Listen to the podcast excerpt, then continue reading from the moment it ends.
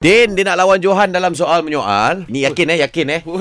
Yakin lawan Abang Johan lah. Lepas tu advantage kau Din, kalau kau lepas bertahan sebanyak 10 soalan, kau dah kira pemenang dah. Wah. Ah, ada untung sikit kat situ. Ray, silakan. Okay, Ya, situasi main game. Yakin boleh menang ke? Game apa nak main ni?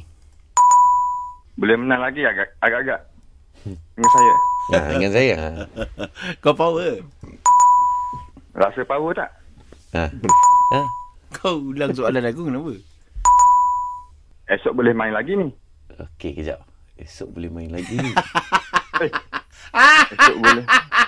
Uish, Macam mana? Tu kira soalan ke gana? tu? Soalan tu kan? Ha? Itu soalan kan? Okey, soalan. Okey, saya terima. Oh, itu Kau dah. Ha? Ah, boleh tukar CD tak? Ah, boleh. Ah. Ah, boleh. Jadi apa yang nak main? Ha, sini apa nak main kata dia? Sini apa nak main? Kalau ikut kau dah kalah kan? Oh, si, si, ras, rasa boleh menang lagi ke? Eh, tadi tu dah. Ah.